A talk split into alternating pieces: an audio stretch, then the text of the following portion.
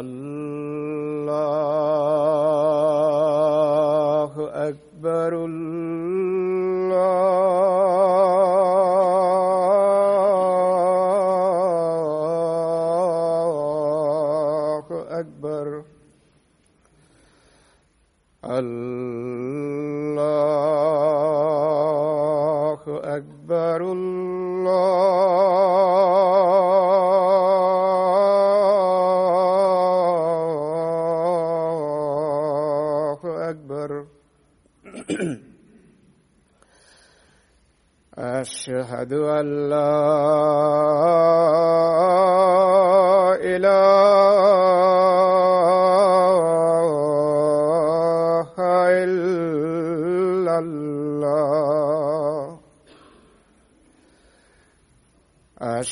أشهد أن لا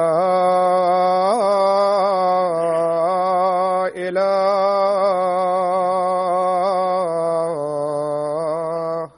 إلا الله.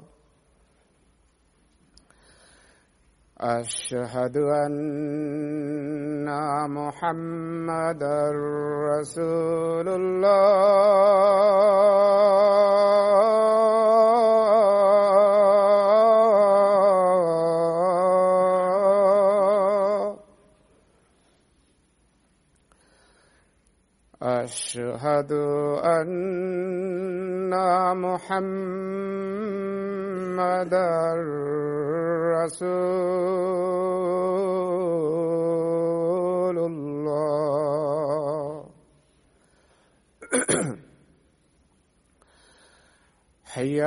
الصلاة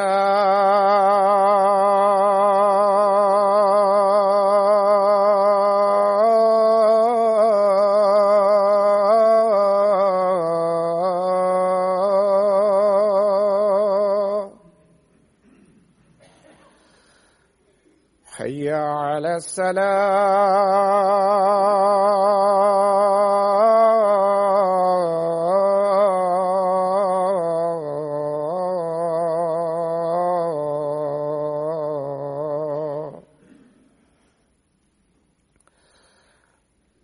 حي على الفلاح.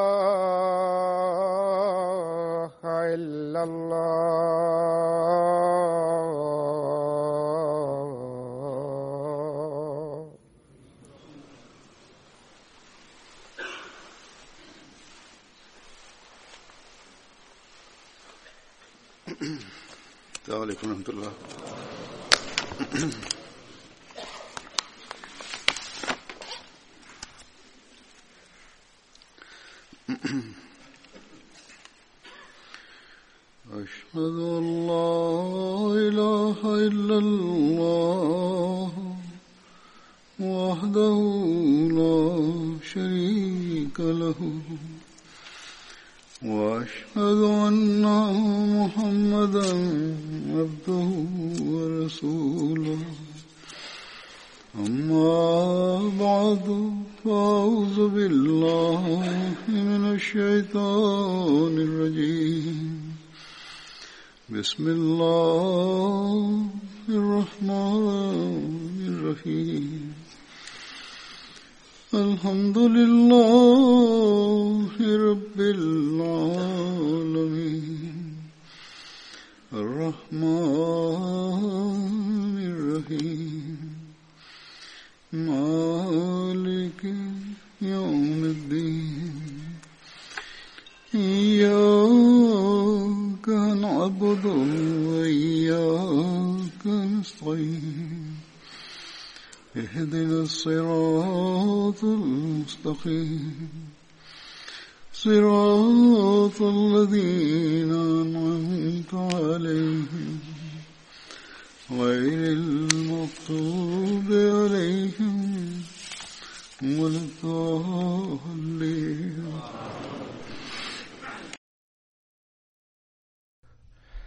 في الخطبة الماضية بينت بعض الوقائع من سيرة حضرة زيد بن الحارثة رضي الله عنه. وذكرت أنه كان رفيق سفر النبي صلى الله عليه وسلم إلى الطائف. وأود أن أذكر اليوم بعض تفاصيل هذا السفر التي كتبها حضرة ميرزا بشير أحمد المحترم في كتابه سيرة خاتم النبيين.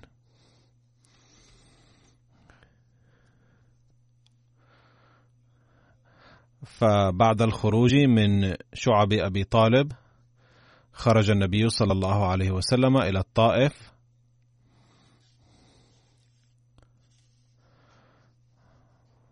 فحين رفع عنه صلى الله عليه وسلم الحصار ونال الحرية لحد ما في تحركاته وسكناته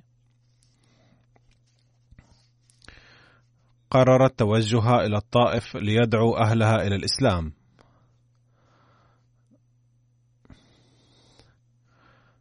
فالطائف مكان مشهور يقع على بعد أربعين ميلا جنوب شرق مكة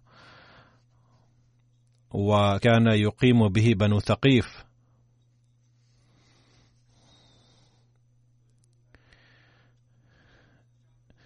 إذا استثنينا فضيلة الكعبة نرى أن الطائف كان يساوي مكة درجة.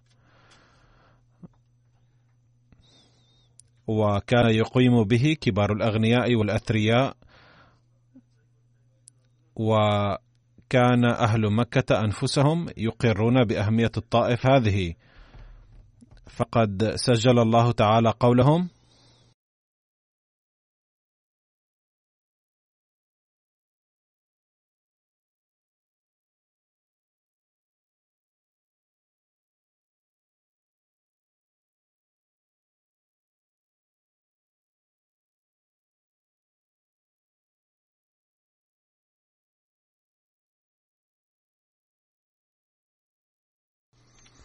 يترجم حضرته الآية السابقة إلى اللغة الأردية.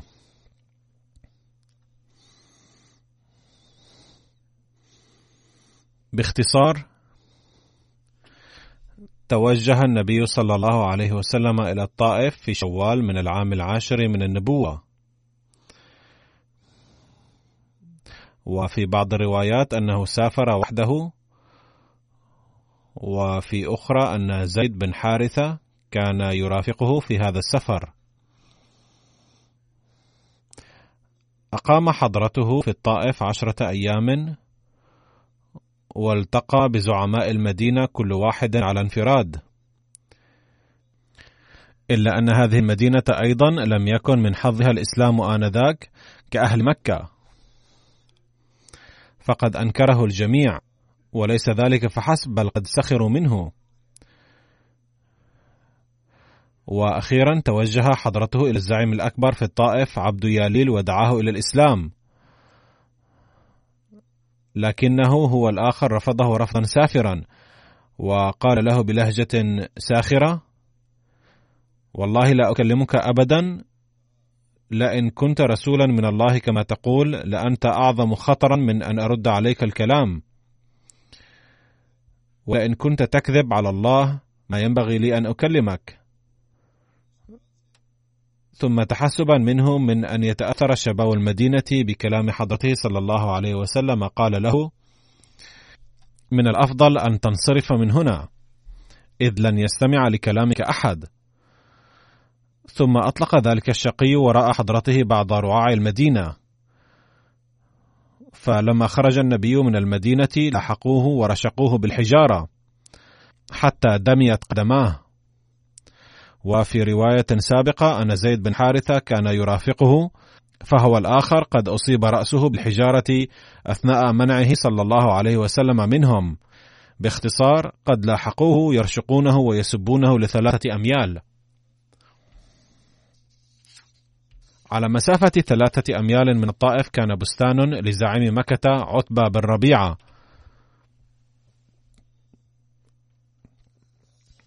فلجأ إليه حضرته صلى الله عليه وسلم وعاد الظالمون متعبين. وهناك دعا الله تعالى واقفا تحت ظل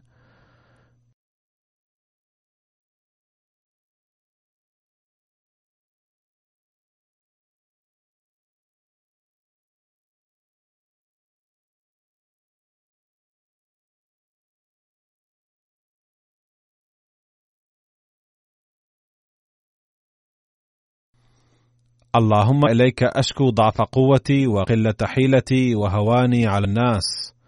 يا أرحم الراحمين أنت رب المستضعفين وأنت ربي. أعوذ بنور وجهك الذي أشرقت له الظلمات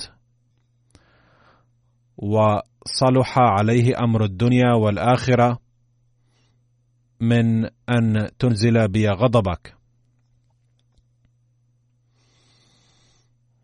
وكان عتبة وشيبة آنذاك في البستان.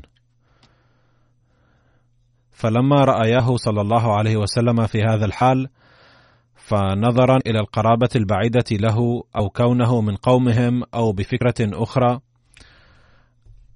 أرسلا بيد غلامهما المسيحي عداس شيئا من العنب في طبق. فأخذه صلى الله عليه وسلم منه وسأله من أهل أي البلاد أنت يا عداس وما دينك؟ قال نصراني. وأنا رجل من أهل نينوى. فقال رسول الله صلى الله عليه وسلم من قرية الرجل الصالح يونس بن متى؟ فقال له عداس وما يدريك ما يونس بن متى؟ فقال رسول الله صلى الله عليه وسلم ذاك أخي. كان نبيا وأنا نبي. ثم دعاه إلى الإسلام. فتأثر به وقبل يديه بدافع الإخلاص. وكان عتبة وشيبة أيضا يشاهدان هذا المشهد من بعيد. فلما عاد عداس إليهما سألاه يا عداس ما الذي أصابك حتى تقبل يديه؟ فهذا الرجل سوف يفسد دينك الذي هو خير من دينه.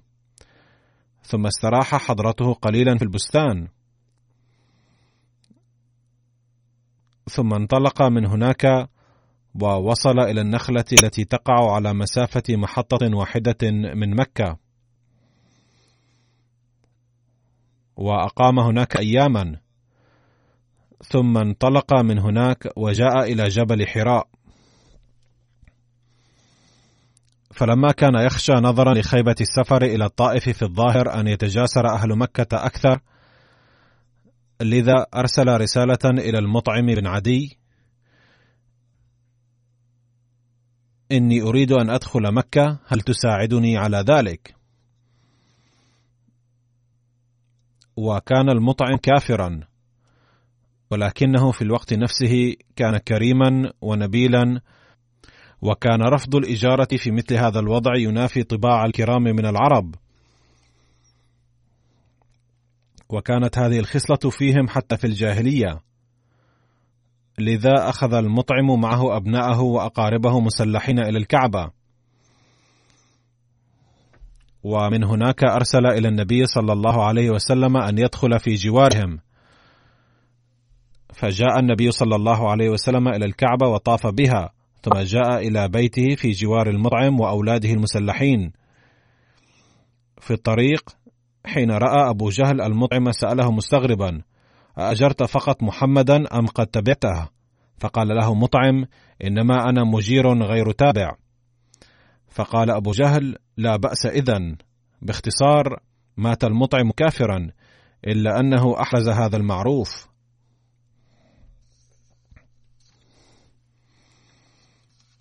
حين وصل حضرة زيد مهاجرا إلى المدينة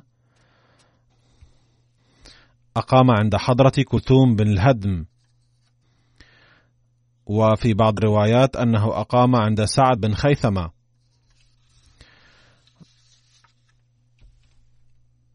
ولقد آخى النبي صلى الله عليه وسلم بين زيد وحضرة أسيد بن حضير. وكتب البعض أن حضرته صلى الله عليه وسلم جعل زيدا أخا لحضرة حمزة. ولهذا كان حمزة رضي الله عنه أوصى بحق زيد عند القتال يوم أحد.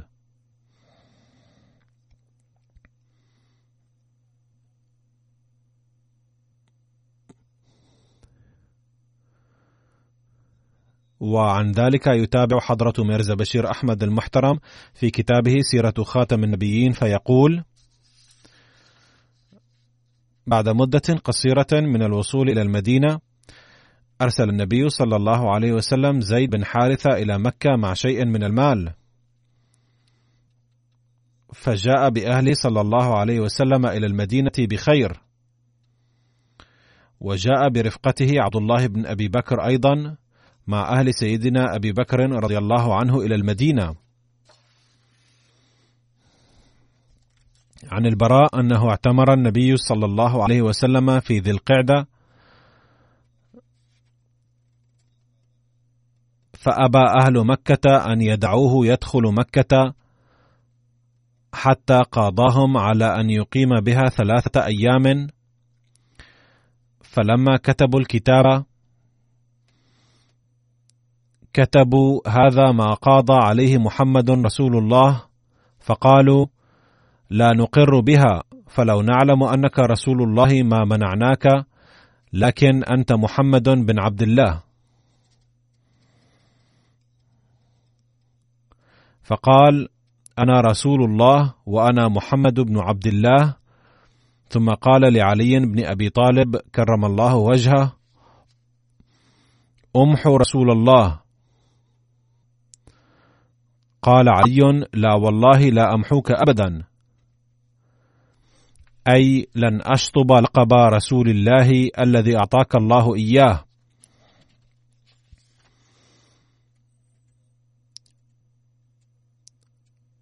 فأخذ رسول الله صلى الله عليه وسلم الكتاب وليس يحسن يكتب فكتب.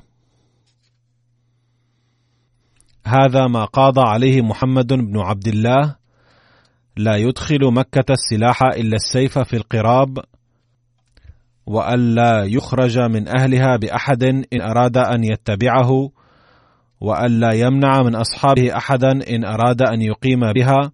فلما دخلها أي دخل النبي مكة في العام التالي بحسب هذا الميثاق ومضى الأجل أتوا عليا فقالوا قل لصاحبك اخرج عنا فقد مضى الأجل.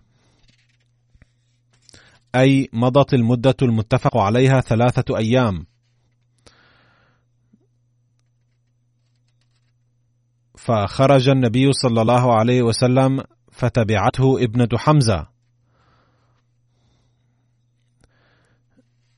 اسمها أمامة وفي رواية أخرى أمة الله. تنادي يا عمي يا عمي فتناولها علي فأخذ بيدها وقال لفاطمة عليها السلام دونك ابنة عمك حملتها فاختصم فيها علي وزيد وجعفر. قال علي أنا أخذتها وهي بنت عمي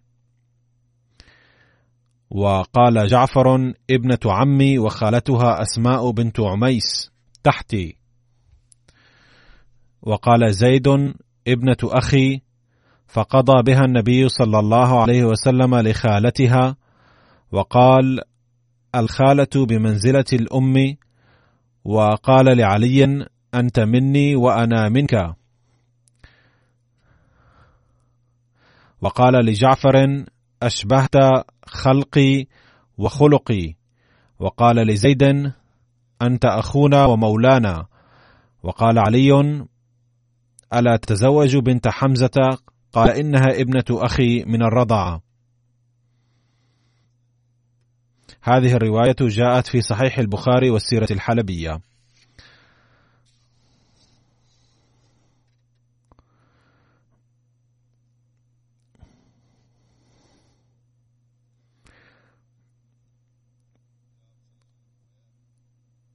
لقد تزوج زيد بن الحارثة أم أيمن وكان اسمها بركة أيضا. وكنيت بابنها أيمن.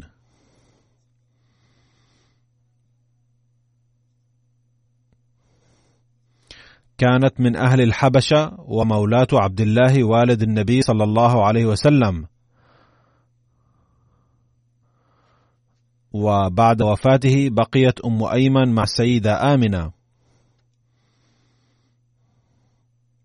عندما كان عمر النبي صلى الله عليه وسلم ست سنين ذهبت به أمها لزيارة أبويها في المدينة.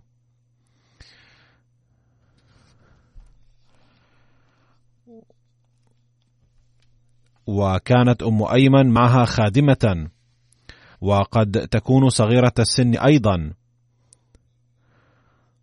فلما كانت بالأبواء التي تقع على بعد خمسة أميال من مسجد النبي توفيت آمنة. فرجعت به أم أيمن على البعيرين اللذين قدموا عليهما مكة. قبل إعلان النبي صلى الله عليه وسلم النبوة زوجت أم أيمن بعبيد بن زيد الذي كان عبدا حبشيا. أنجبت أم أيمن ولدا وسمي أيمن واستشهد يوم حنين. بعد وفاة زوج أم أيمن زوجت من زيد رضي الله عنه. وقد ورد في رواية أن أم أيمن كانت تلطف للنبي صلى الله عليه وسلم. وتقوم عليه. فقال رسول الله صلى الله عليه وسلم من سره أن يتزوج امرأة من أهل الجنة فليتزوج أم أيمن فتزوجها زيد بن حارثة.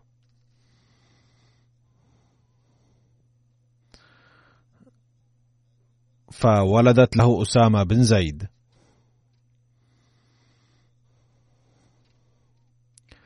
هاجرت أم أيمن إلى الحبشة مع المسلمين. ثم عادت إلى المدينة.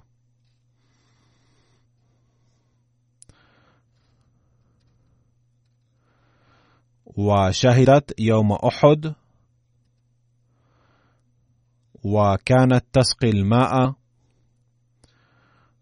وتمرض الجرحى. وشهدت غزوة خيبر أيضا. عندما استشهد عمر رضي الله عنه عام ثلاثة وعشرين من الهجرة بكت أم أيمن كثيرا. فقيل لها فقالت اليوم وهي الإسلام. توفيت أم أيمن في بداية عهد عثمان رضي الله عنه.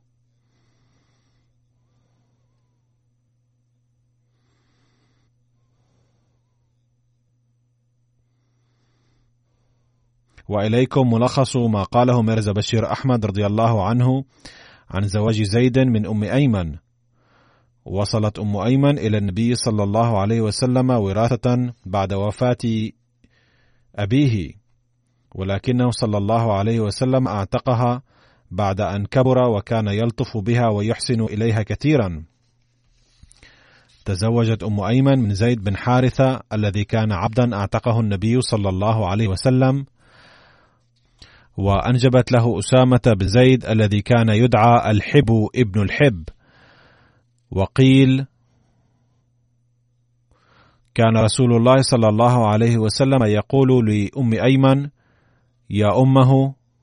وقيل وكان إذا نظر إليها قال هذه بقية أهل بيتي.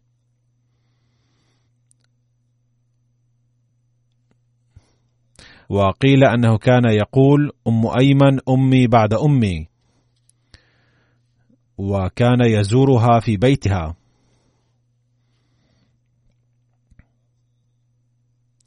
هناك رواية عن أنس بن مالك جاء فيها ما مفاده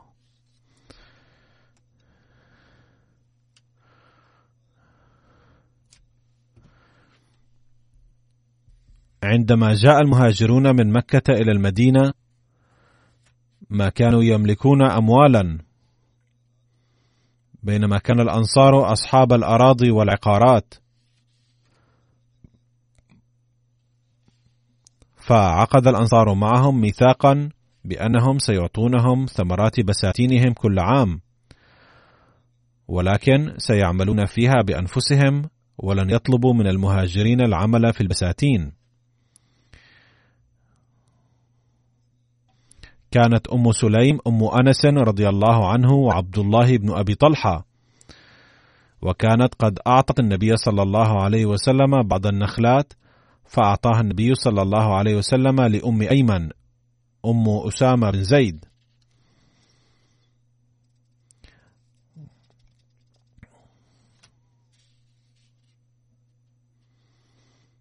قال ابن شهاب أخبرني أنس بن مالك أن النبي صلى الله عليه وسلم لما فرغ من قتل أهل خيبر فانصرف إلى المدينة رد المهاجرون إلى الأنصار منائحهم التي كانوا منحوهم من ثمارهم. فرد النبي صلى الله عليه وسلم إلى أمه عذاقها وأعطى رسول الله صلى الله عليه وسلم أم أيمن مكانهن من حائطه. وقد جاء في رواية في صحيح البخاري بعض التفاصيل الأخرى كما يلي: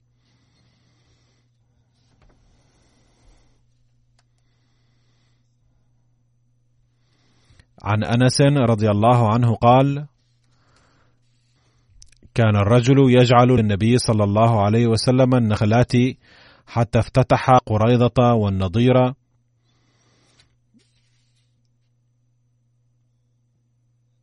وإن أهلي أمروني أن آتي النبي صلى الله عليه وسلم فأسأله الذي كانوا أعطوه أو بعضه. وكان النبي صلى الله عليه وسلم قد أعطاه أم أيمن فجاءت أم أيمن فجعلت الثوب في عنقي تقول كلا لن أعطيكم.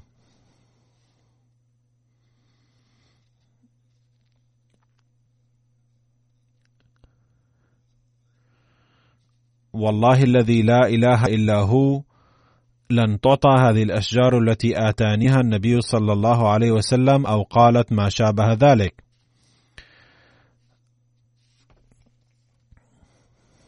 فقال النبي صلى الله عليه وسلم لأم أيمن لا عليك. ردي له هذه الأشجار وسأعطيك مثلها في موضع آخر. ولكنها قالت والله لا.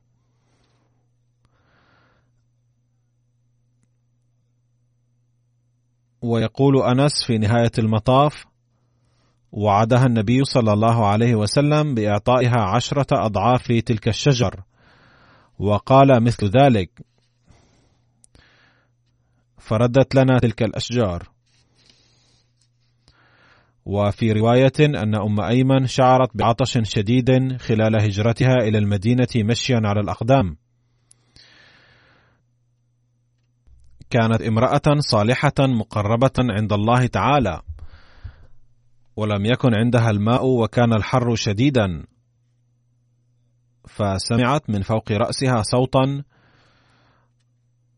فرأت أن شيئا كالدلو نزل من السماء ويقطر منه الماء فشربت منه حتى ارتوت. وكانت تقول منذ ذلك اليوم لم أشعر ولم أعاني من شدة العطش قط. وحتى لو شعرت بالعطش في الصوم لم أكن أعاني ابدا. فهؤلاء الصحابيات يتخلل ذكرهن أثناء ذكر الصحابة لكي نطلع على مكانتهن العليا.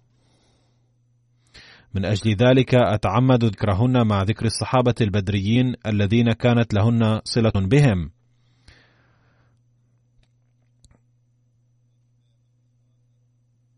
كان في لسان أم أيمن رضي الله عنها شيء من اللكنه وكانت كلما زارت احدا لم تستطع أن تسلم عليه بقول سلام الله عليكم كما كانت عادة العرب في البداية.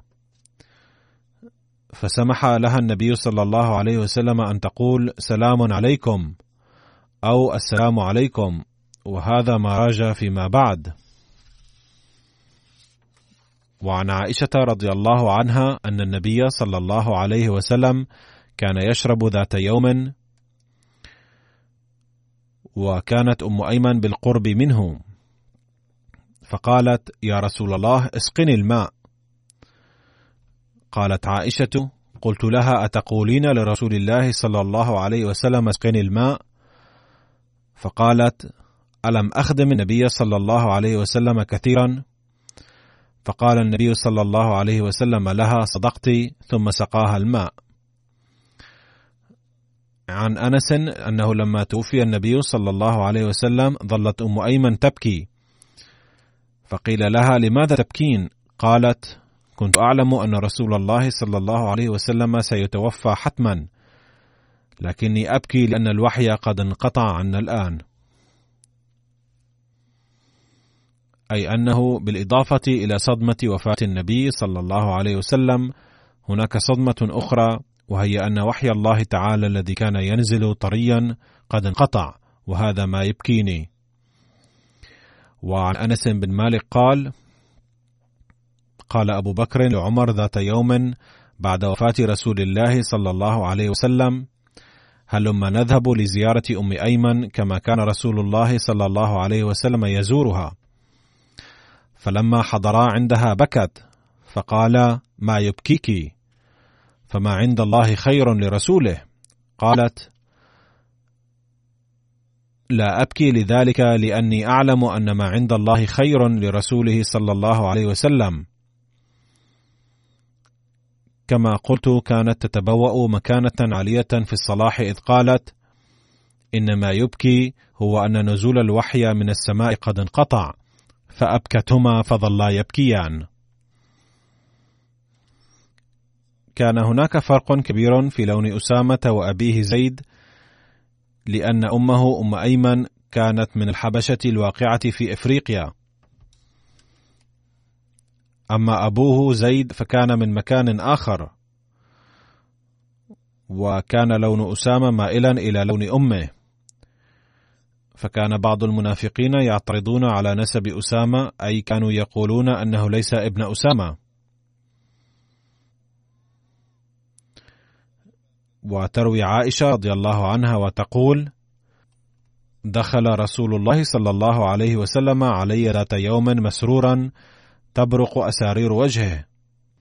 فقال يا عائشة ألم تري أن مجززا المدلجي دخل علي؟ فرأى أسامة بن زيد وزيدا وعليهما قطيفة قد غطيا رؤوسهما وبدت أقدامهما. فقال إن هذه الأقدام بعضها من بعض. فكان النبي صلى الله عليه وسلم مسرورا جدا لأن الطعن في نسب أسامة قد زال بهذا القول. إذ كان لشهادة هؤلاء القافة من أهل الدنيا قيمة كبيرة. كان الرجل قائفا ماهرا وكان قول مثل هؤلاء القافة قولا حتميا عند القوم ولم يكن عبثيا. لذا كان قوله شهادة قوية لإفحام هؤلاء المنافقين وأهل الدنيا. ولذلك كان النبي صلى الله عليه وسلم فرحا جدا.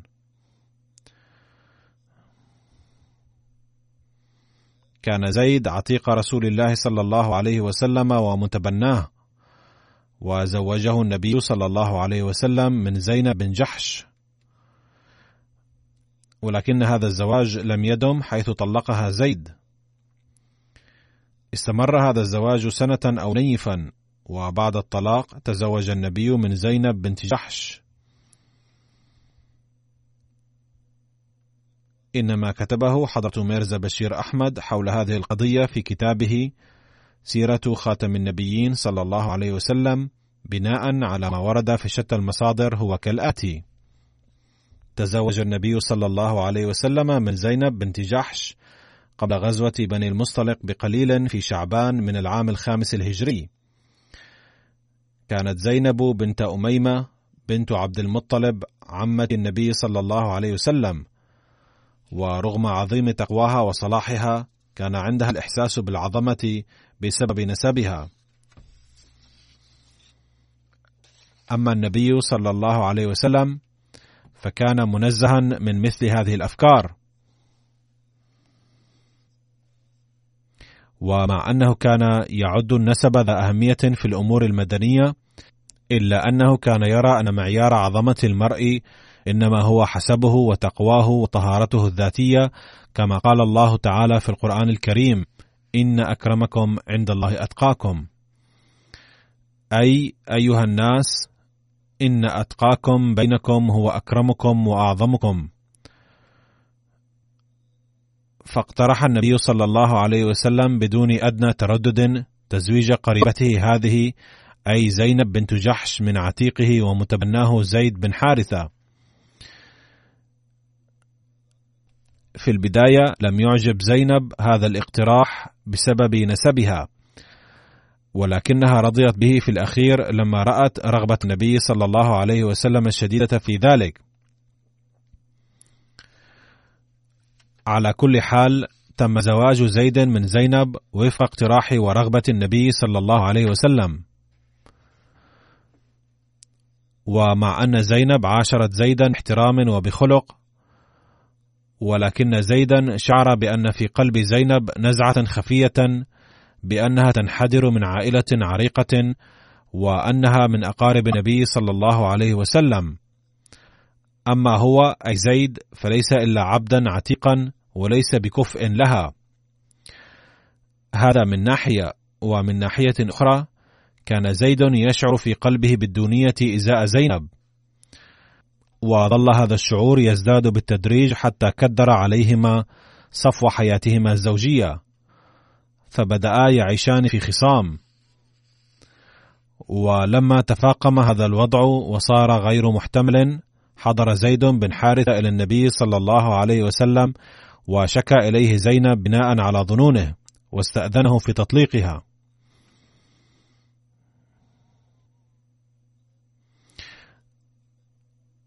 جاء في رواية أنه شكى قسوتها في الكلام وقال لهذا أريد أن أطلقها. وبالطبع صدم النبي صلى الله عليه وسلم بمعرفة هذه الأحوال ولكنه منع زيدا من الطلاق. ولعله صلى الله عليه وسلم شعر أن زيدا قصر في إصلاح الأمور فنصح زيدا بتقوى الله والسعي لإصلاح الأمور قدر المستطاع. ورد في القرآن الكريم أيضا أن يا زيد أمسك عليك زوجك واتق الله. وكان سبب نصح النبي صلى الله عليه وسلم له أنه صلى الله عليه وسلم كان لا يحب الطلاق. كما قال في مناسبة أبغض الحلال إلى الله تعالى الطلاق. فقد سمح الإسلام بذلك كعلاج أخير. ثانيا هناك رواية للإمام زين العابدين علي بن الحسين رضي الله عنه وقال الإمام الزهري أنها ثقة تقول كان قد جاء النبي صلى الله عليه وسلم وحي أن زيد بن الحارثة سيطلق زينب في نهاية المطاف وستأتي زينب في عقده صلى الله عليه وسلم. لذا كان النبي صلى الله عليه وسلم لسلطه الشخصية بالأمر يريد أن يكون حياديا تماما وسعى كل السعي من طرفه ألا يكون له أي دخل في انفصال زيد وزينب. وأن تدوم هذه العلاقة ولا تنقطع. لذلك نصح النبي صلى الله عليه وسلم زيدا بإصرار ألا يطلقها ويتقي الله تعالى ويعاشرها كيفما أمكن.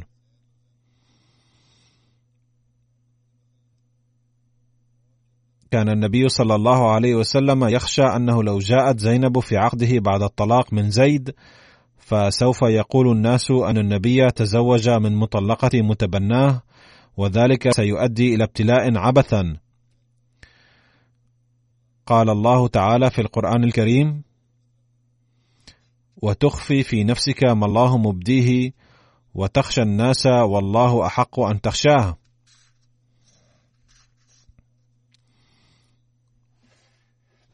باختصار منع النبي صلى الله عليه وسلم زيدا من الطلاق ناصحا إياه بالتقوى.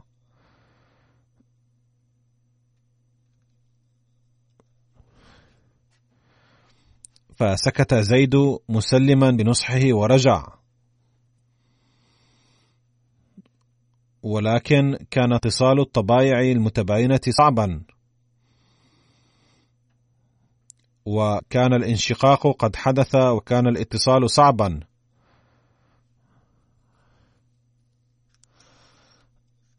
فلم تنصلح الأمور وطلق زيد زينب بعد فترة.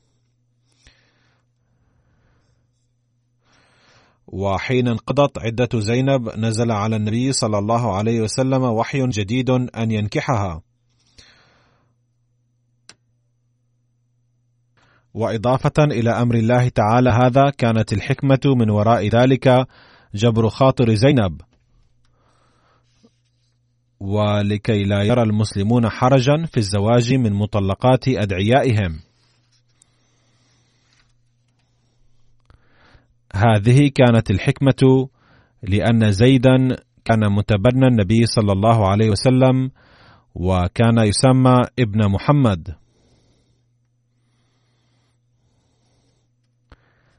لذا كان في زواج النبي صلى الله عليه وسلم من مطلقته تأثير عملي في المسلمين أن المتبنى لا يكون كابن حقيقي كما لا ينطبق عليه أحكام الابن الحقيقي. وبذلك سيمحو نهائيا تقليد عرب الجاهلية من بين المسلمين. فقال عنه القرآن الكريم الذي هو المصدر الأوثق لتاريخ الإسلام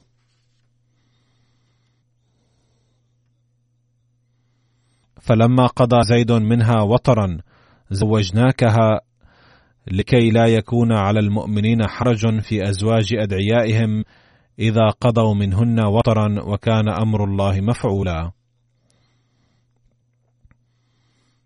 باختصار قرر النبي صلى الله عليه وسلم الزواج من زينب بعد نزول الوحي الإلهي ولم يكن في هذا القرار أي دخل لأمنية النبي صلى الله عليه وسلم أو لرأيه الشخصي. وأرسل زيدا إلى زينب طالبا يدها ولما وافقت زينب صار أخوها أبو أحمد بن جحش وليها. فزوجها من النبي صلى الله عليه وسلم الذي أصدقها أربعمائة درهم. سيرة ابن هشام. وهكذا بأسوة الرسول صلى الله عليه وسلم شخصية قد ألغي في الإسلام التقليد القديم الذي كان قد رسخ في أرض العرب.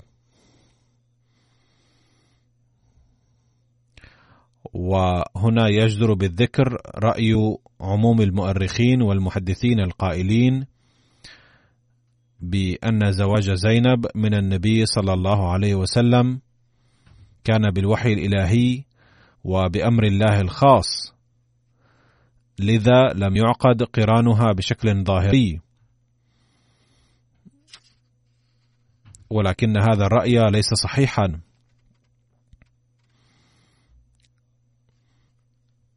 لا شك أن هذا الزواج قد تم بأمر من الله تعالى ويمكن القول أنه عقد قرانها في السماء. ولكن ذلك لا يغني عن أمر الشريعة بعقد القرآن الظاهري لأن ذلك أيضا مما أوجبه الله تعالى بنفسه. ورواية سيرة ابن هشام التي ذكرناها انفا والتي تتحدث عن وقوع الزواج الظاهري واضحة جدا ولا مجال لأي شك أو شبهة في ذلك. وأما الحديث القائل كانت زينب تفخر على أزواج النبي صلى الله عليه وسلم تقول زوجكن أهاليكن وزوجني الله تعالى من فوق سبع سماوات. صحيح البخاري. فلا يصح الاستنتاج منه أن قرانها لم يعقد في الظاهر لأن عقد القران الظاهري لا يناقض هذا الشرف بأن يكون قرانها عقد في السماء بأمر الله الخاص ولكن مقابلها كان زواج أمهات المؤمنين الأخريات تحت أسباب عامة بعقد مناسبات ظاهرية. وفي رواية أخرى ورد أن النبي صلى الله عليه وسلم دخل على زينب من دون إذنها ومما يفهم أنه لم يعقد قرانها في الظاهر. ولكن لو تأملنا لوجدنا أنه لا علاقة لهذا الشيء بعقد القران في الظاهر أو بعدمه. فلو كان المراد بأن النبي صلى الله عليه وسلم دخل بيت زينب بلا إذن فهذا قول خاطئ يخالف الواقع لأن رواية صحيح البخاري الواضحة تقول بأن زينب زفت إلى بيت النبي صلى الله عليه وسلم بعد الزواج وليس أن النبي صلى الله عليه وسلم ذهب إلى بيتها. وإذا كان المراد من هذه الرواية أنه بعد زفافها إلى بيت النبي صلى الله عليه وسلم دخل عليها بلا إذن فهذا شيء عادي لا يخالف العادة لأنه حين أصبحت زوجته وجاءت إلى بيته فكان لابد أن يدخل عليها ولم يكن بحاجة إلى إذن. فلا علاقة للرواية القائلة بعدم الاستئذان مع قضية أنه عقد قرانها في الظاهر أم لم يعقد. وهذا هو الحق كما صرحت رواية سيرة ابن هشام بأنه عقد قرانها بشكل رسمي حتى بعد الأمر الإلهي. وهذا ما يقوله المنطق أيضا لأنه أولا لا مبرر للاستثناء في القاعدة العامة وثانيا ما دام الهدف من وراء هذا الزواج كان إبطال التقليد السائد وإزالة تأثيره فكان من الأجدر أن يعقد هذا القران علنا وأمام كثير من الشهود لكي يعلم العالم جيدا أن هذا التقليد يمحى اليوم. كان تقليدا راسخا أنه لا يجوز نكاح زوجة المتبنى. فقد ذكرت بعض التفاصيل لأحداث من حياة زيد ولزينب وزواجها من النبي صلى الله عليه وسلم. وذلك لأن المعترضين يعترضون اليوم أيضا على زواج النبي صلى الله عليه وسلم من زينب. لذا ينبغي أن نعرف هذه القضية ببعض التفصيل.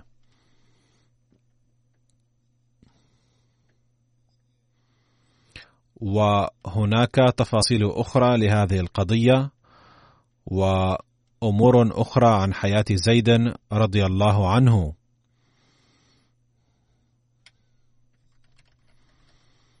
وسوف أتناول كلا الأمرين بقدر الحاجة في المستقبل.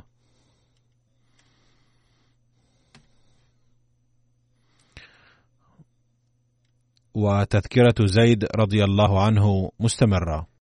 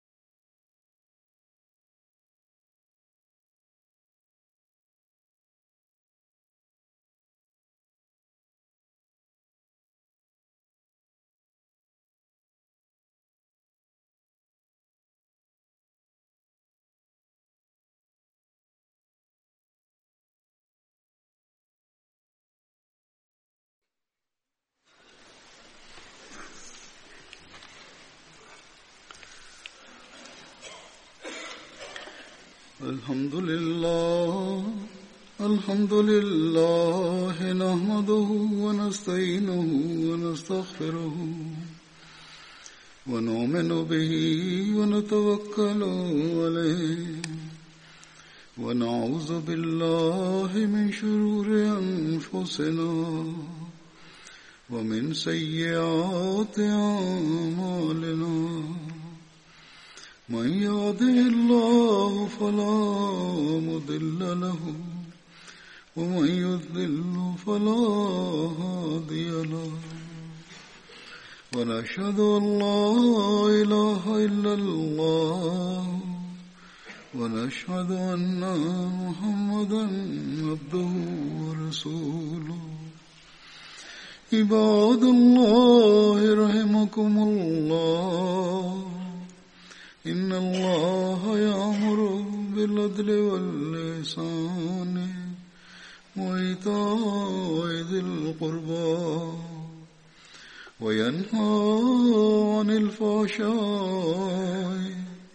والمنكر والبغي يعظكم لعلكم تذكرون اذكروا الله يذكركم وادعوه يستجب لكم ولذكر الله أكبر